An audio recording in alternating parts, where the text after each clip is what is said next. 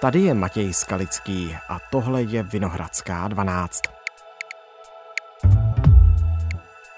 Skoro čtvrt miliardy korun dluží brněnská firma Explore Capital svým někdejším investorům. Peníze od nich před lety vybrala mimo jiné na financování výstavby farmy na chov jeseterů v Rusku. Já jsem totiž měl reference na Černouška, že to je solidní chlap. Černoušek o situaci ve firmě téměř nekomunikuje. Dříve finanční problémy zdůvodňoval pandemí covidu a dopady války na Ukrajině.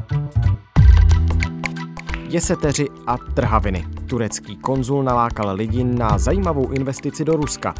Zůstaly po ní ale milionové dluhy. Mluvit o tom nechce. Brzy začne insolvenční soud. Mohlo jít o spronevěru, nebo je to jen obří obchodní selhání? To rozplétá Jakub Mikel z naší investigativní redakce. Dnes je úterý 27. června. Ahoj Jakube, vítej ve Vinohradské 12. Ahoj Matěj. Ty jsi přišel na tak jako zdánlivě bizarní případ, ve kterém ale jde o velké peníze. Točí se to všechno kolem jednoho jména, kolem jména Martina Černouška. Martin Černoušek je podnikatel, který má velmi bohaté zkušenosti z českého průmyslu. On v minulosti řadu let působil ve vedení firmy Austin Detonators, která vyrábí eh, rozbušky a působil tam na opravdu jako vrcholných manažerských funkcích. Poté eh, dělal třeba i ve stavební firmě PSG International, takže má za sebou opravdu jako bohatou historii, co se týče tady těchto zkušeností. A v nějaké fázi života se evidentně rozhodl, že začne podnikat sám na sebe když to tak řekneme. A v roce 2015 se založil společnost Explore Capital. A kolem té se točí celý náš příběh, o kterém si vlastně dnes budeme vyprávět, protože to je společnost, která v průběhu let vybrala od různých větších či menších investorů, často hodně fyzické osoby, tam byly několik firm, tak od nich vybrala desítky, stovky milionů korun a Martin Černoušek jim slíbil, že ty peníze zhodnotí a slíbil, že jim je zhodnotí v Rusku. Ale my, jak jsme zjistili, tak eh, ty projekty, které on nasliboval, tak podle všeho nevyšly a ti lidé o své peníze nejspíš definitivně přijdou. Jak jsi na něj přišel? Jak jsi přišel vůbec na tenhle ten celý příběh? Já jsem na ní přišel díky insolvenčnímu rejstříku, který já v rámci své novinářské práce hmm. pravidelně kontroluji. Projíždím vlastně každou akciovou firmu, každou společnost s ručením omezením, která na sebe má podaný insolvenční návrh, protože často se zatím skrývají velmi pozoruhodné příběhy. A to je právě případ i Explore Capitalu. Tam na něj byl podaný insolvenční návrh první už eh, v loni. Ten tehdy soud eh, z nějakých důvodů zamítl, ale ti navrhovatelé, ti věřitelé vlastně Explore Capital kapitálů, což jsou ti bývalí investoři, tak eh, to nevzdali a zkusili to znovu a tentokrát už jim soud dal za pravdu a se společností běží insolvenční řízení, které má na začátku července se řešit i přímo už u soudu jako fyzické jednání. Takže je tu firma Explore Capital, kterou vlastní Martin Černoušek. Já jsem o tom mluvil i s advokátem Radkem Vojtkem, který zastupuje část těch věřitelů. Přímé komunikace s dlužníkem jsme se nedočkali ani po podání našeho insolvenčního návrhu. Prázdné sliby a uhybné manévry. A ten Černouškův přístup hodnotí poměrně kriticky. Ta firma je v insolvenci a Martin Černoušek nasliboval svým věřitelům, že zhodnotí jejich investice v Rusku. A jsou to investice v řádech desítek, stovek milionů korun. Na co ty peníze přesně měly jít? Martin Černoušek sliboval, že ty peníze využije spolu se svým ruským partnerem Salimem Šaripovem, což je podnikatel z okolí Čeljabinsku a slíbil, nebo ty plány společnosti Explore Capital byly, že vybudují v areálu bývalé teplárny v Čeljabinsku farmu na chově seterů. To bylo někdy v roce 2017 mm-hmm. a my máme i díky ruským spravodajským zdrojům informace o tom, že ten projekt nakonec nevyšel, protože se ukázalo, že vlastně ten areál té teplárny leží v blízkosti několika velkých průmyslových podniků a ta voda, ve které by ti jeseteři byli chování, tak by mohla být kontaminovaná, čímž pádem ne- nemohly ruské úřady vlastně povolit vůbec takový Jasně. chov. Celý ten příběh vlastně těch jeseterů může působit trošičku bizarně. Ono to souvisí i s tím, že ten eh, Černouškův eh, ruský společník, pan Šaripov, tak se podle těch ruských zdrojů právě jako průmyslu týkající se nějakého rybolovu nebo chování ryb jako dlouhodobě věnoval. Eh, Jeseteři jsou z jejich pohledu jako výživné ryby, zdravé ryby, které měly i řešit nějaký jako nedostatek třeba právě potravin tady v těchto regionech, že, by, že ta produkce, která měla být jako v řádech eh, stovek tun ryb ročně, tak měla opravdu jako saturovat nějaké potřeby části místního obyvatelstva. Takže tam nešlo o dovoz do České republiky? Ne, oni měli opravdu chovat, mělo to fungovat eh, primárně pro to ruské jo. pro ruskou klientelu. Pro nebo pro tamnější trh. Přesně tak, hmm. přesně hmm. tak. A samozřejmě jako další přidaná hodnota toho je, že se tedy se dá mm, pěstovat, chovat kaviár, který samozřejmě má na trhu také určitou hodnotu. Takže ten podnikatelský plán nebyl mm, nikterak hloupý, ale nevyšel alespoň podle toho, co tedy psala lokální média právě s ohledem na tu lokalitu, ve které se ho rozhodli uskutečnit. Oni podle toho, co my jsme četli v nějakých těch zahraničních zdrojích, tak potom hledali ještě nějakou jinou lokalitu, ale tam zda se jim podařilo vlastně tu farmu spustit, není úplně jasné. Ty zmínky o ní nikde už později nebyly a vypadá to, že ten projekt spíše nevyšel. Mm-hmm. Oni samozřejmě hledali nějakou alternativu, protože evidentně tam nějaké peníze do toho projektu napumpovali, už jenom to, že vlastně získali ten areál té eh, bývalé teplárny a místo tady toho chtěli vybudovat datová centra. Jo, když nevyšli jezeteři, když nevyšli jezeteři, tak vezmeme peníze a dáme je do datových center. A dáme do datových center nějaké cloudy vlastně tady opravdu do toho směru toho Servery IT. a úložiště. A... Přesně tak, oni v tom viděli nějaký jako potenciál, ale podle toho, co jsme se dočetli, tak opět ani tento projekt nevyšel. Zase někde v Čeljabinsku? Nebo? Mělo to být pořád vlastně na území té bývalé teplárny. Jo, jo, pořád, pořád, pořád se bavíme o jedné lokalitě, kterou mm-hmm. oni nějakým způsobem evidentně jako koupili a, a prostě vymýšleli, když to řekneme úplně lidově, co s tím. Máme tady sumu peněz, tady ten objekt v Čeljabinsku, pojďme tady něco vymyslet. Přesně a to už tak. bylo asi investorům jako jedno, co? Nebo? Tam je otázka, my když jsme se bavili s některými těmi věřiteli, tak uh, oni hodně spoléhali na hodně dobrý kredit, který pan Černoušek tady v Česku má. Takže se mu tam vlastně strčil, já nevím, tehda snad 2 miliony, jako jo, nebo kolik mluví jeden z věřitelů Vilém K. Protože já jsem byl ujišťovaný, že všechny peníze zaplatí. Jako jo. A já jsem zrovna jsem dostal, eh, z jiných dluhopisů jsem dostal peníze a ten známý mi říká, kam to chceš dělat a říkám, víš co, vlastníš o Černouškovi, necháme to u Černouška. On opravdu za sebou měl tu kariéru toho vysoce postaveného manažera, úspěšného. Já jsem měl jako reference, že to je solidní chlap, jako jo.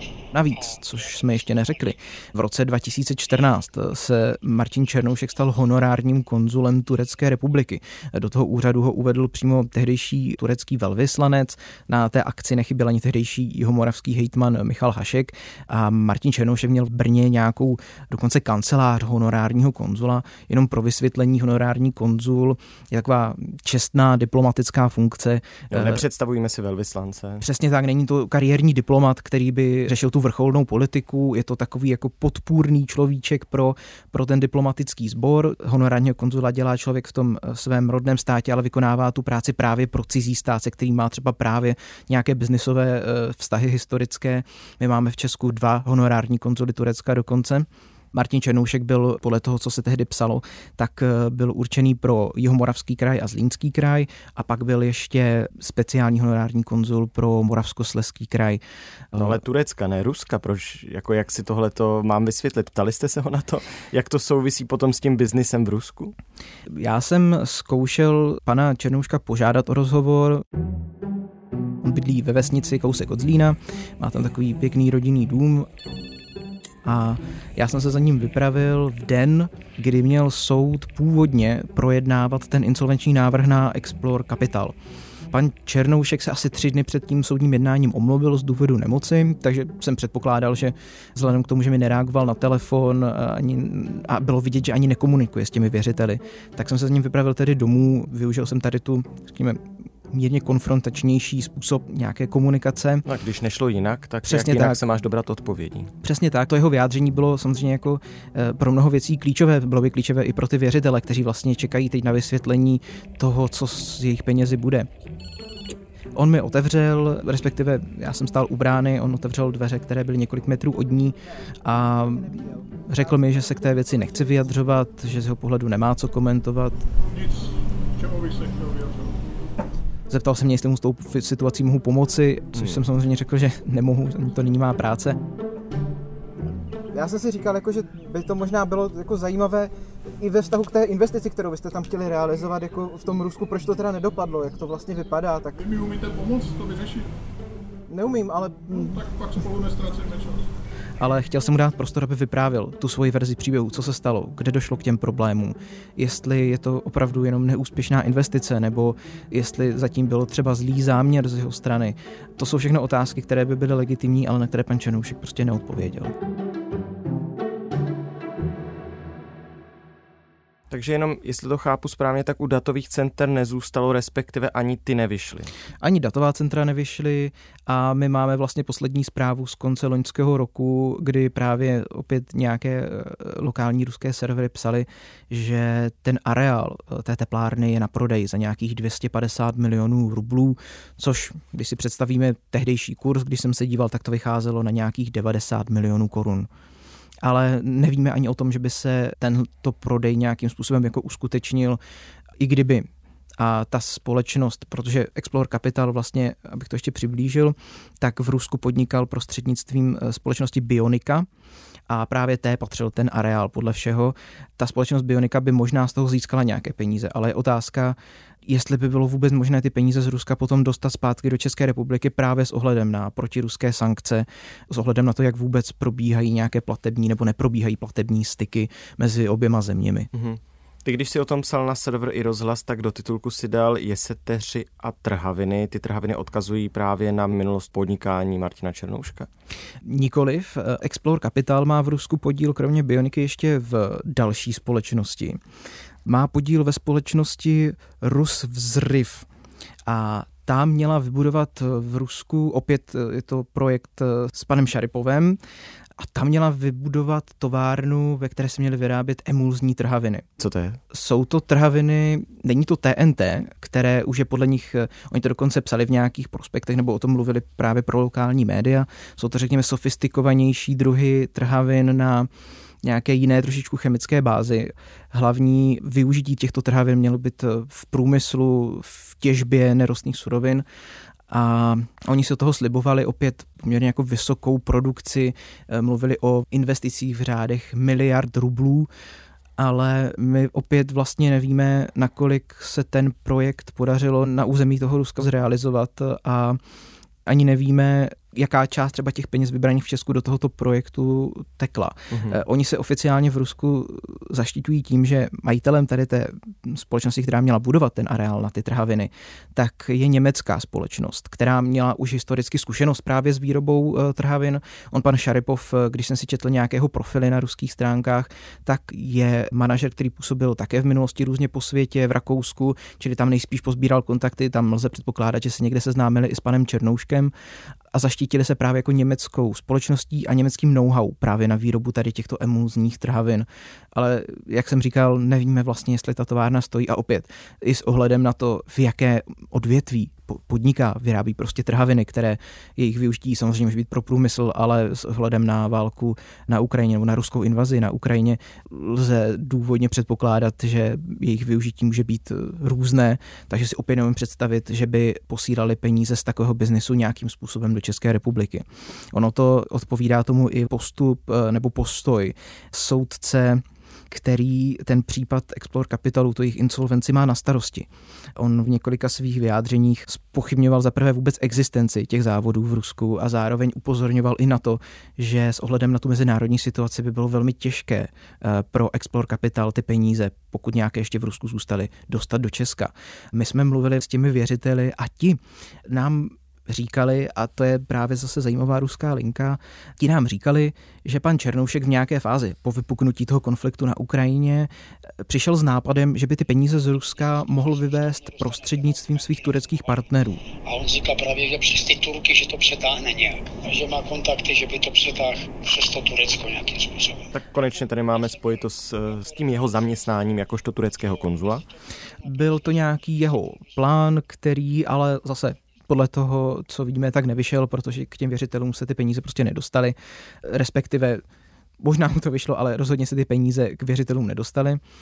Je to zajímavé i z toho pohledu eh, mezinárodního, protože v médiích se objevovaly zmínky o tom, že Turecko od vypuknutí války na Ukrajině slouží jako jakýsi prostředník pro, eh, řekněme, biznis na, eh, v Evropě, v celé Evropě a Ruskem, ať už jde o nějakou přepravu komodit, které jsou třeba i často pod sankčními seznamy. Turecký prezident a ruský, oni mají spolu takový zajímavý, komplikovaný, ale ve skrze tak napůl přátelský, obchodně přátelský vztah. Přesně, takže tahle verze toho příběhu pana Černouška, že by se o to pokusil, nebo že by to mohlo jít, tak eh, samozřejmě mohla to být nějaká snaha ty věřitele ukonejšit, že se ke svým penězům dostanou, ale na druhou stranu právě se zkušenostmi, které už i byly novinářsky zmapované, tak víme, že, že vlastně nemusel úplně mluvit do větru. Každopádně, jak jsme říkali, tenhle pokus nevyšel, nebo minimálně ty peníze se k těm věřitelům nedostaly.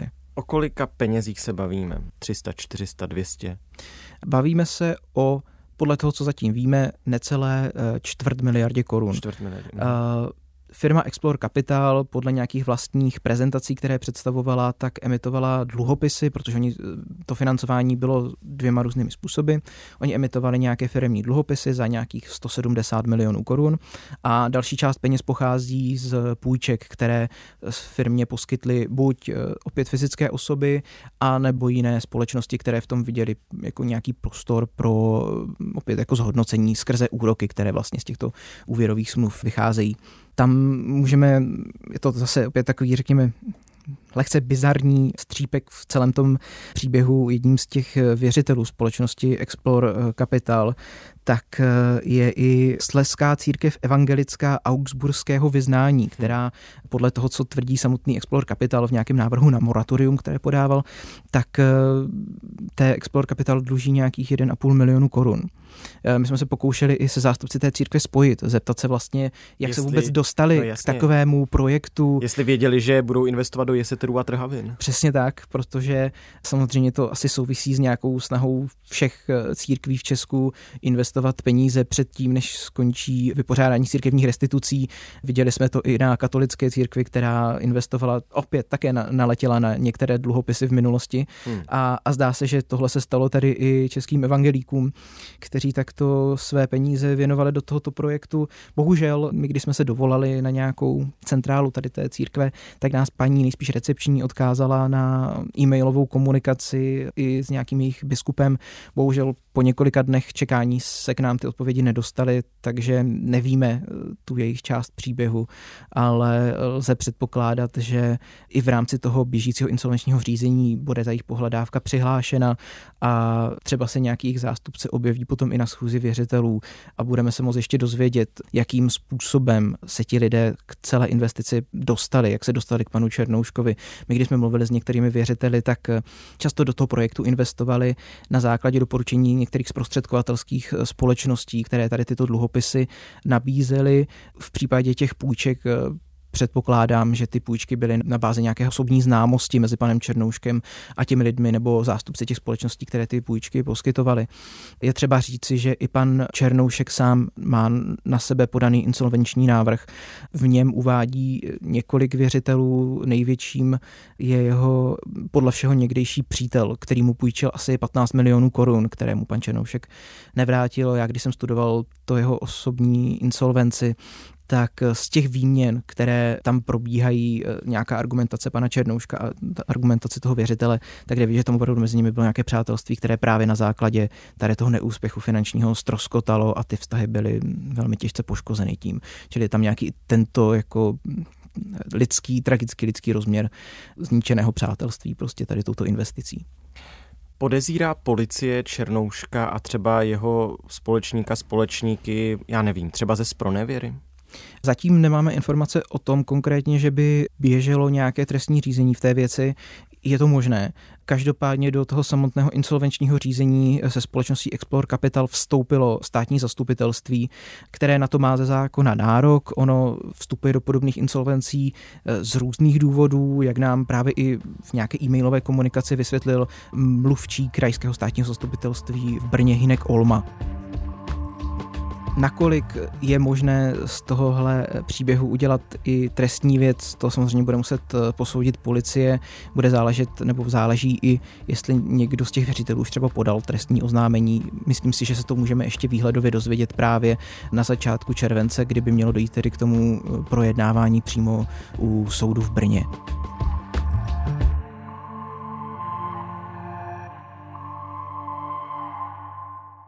A Martin Černoušek nevysvětlil, kde ty peníze jsou, protože se tu bavíme o bezmála čtvrt miliardě korun, která měla jít na projekty v Rusku, které nebyly velmi pravděpodobně realizovány, tak ty peníze někde být musí.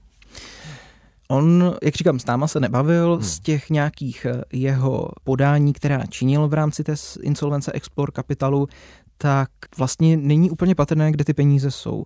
On nabízí různá vysvětlení, proč ty projekty nevyšly. Mimo jiné se odvolává na, na to, že pandemie COVID-19 zkomplikovala i v Rusku celkově přípravu jakýkoliv projektů. Viděli jsme to i tady u nás, že ten biznis se prostě na čas zpomalil. Zkomplikovalo to i to, že on jako Čech nemohl do Ruska vycestovat, aby to řešil osobně, alespoň to tvrdí on, že tedy ten zájem měl, protože samozřejmě tam byl ještě problém s uznáváním vakcín a tak dále. No a na vlastně covidovou krizi navázala pomalu plynule právě ruská invaze na Ukrajinu. Ještě předtím v mezičase jsme stihli diplomatickou roztržku ohledně výbuchu ve Vrběticích, které vztahy mezi Českem a Ruskem výrazně narušily. A to jsou všechno aspekty, které on jako zmiňuje, že komplikovaly fungování těch projektů. Aspoň takhle to vysvětlil těm českým věřitelům. Já se spíš vlastně chci dostat k tomu, jestli se tu skutečně nebavíme o obchodním selhání, ale tedy jako gigantických rozměrů čtvrt miliardy korun je čtvrt miliardy korun. A nebo zatím, a já vím, že to nemůžeme v tuto chvíli vědět, ale zda něco nenasvědčuje tomu, že zatím je i něco nekalého. To, že my nevíme, kde ty peníze skončily a podle všeho to neví ani věřitelé, tak eh, může nasvědčovat eh, tomu, že v tom příběhu minimálně právě odpovědi na tyto otázky ještě chybí. Hmm. On dává to velký prostor k různým interpretacím. Přesně tak. Je třeba říci, že on do toho projektu evidentně nějaké peníze investoval i pan Černoušek jako sám, jako hmm. fyzická osoba.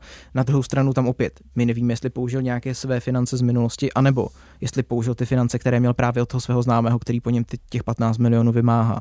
On prostě evidentně vyzbíral velké množství peněz v Česku, které odvezl nebo poslal do Ruska na nějaké projekty No to je taky otázka. To je samozřejmě otázka, kterou bude muset i vyhodnotit asi insolvenční soud. Dozvíme se to v červenci? Všechno? Myslím si, že v červenci se všechno ještě nedozvíme. V červenci bychom se měli dozvědět, protože ta společnost Explore Capital je v úpadku v současné době, ale eh, v červenci se bude rozhodovat o tom, jakým způsobem se ten úpadek bude řešit. Jestli soudce rozhodne o konkurzu té společnosti, jestli pošle do nějaké reorganizace, teoreticky možná ještě může úplně eh, zamítnout ten insolvenční návrh, ale to nelze předpokládat, když už je to v této fázi.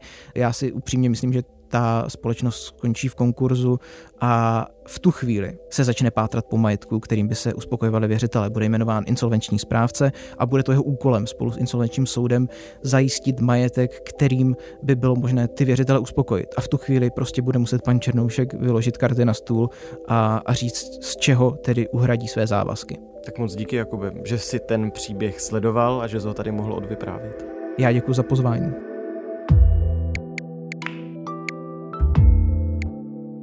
Tohle už je všechno z Vinohradské 12, z pravodajského podcastu Českého rozhlasu. Dnes s kolegou Kubou Mikelem z naší investigativní redakce. Ptal jsem se ho na příběh tureckého konzula a čtvrt miliardy korun, která skončila neznámo kde.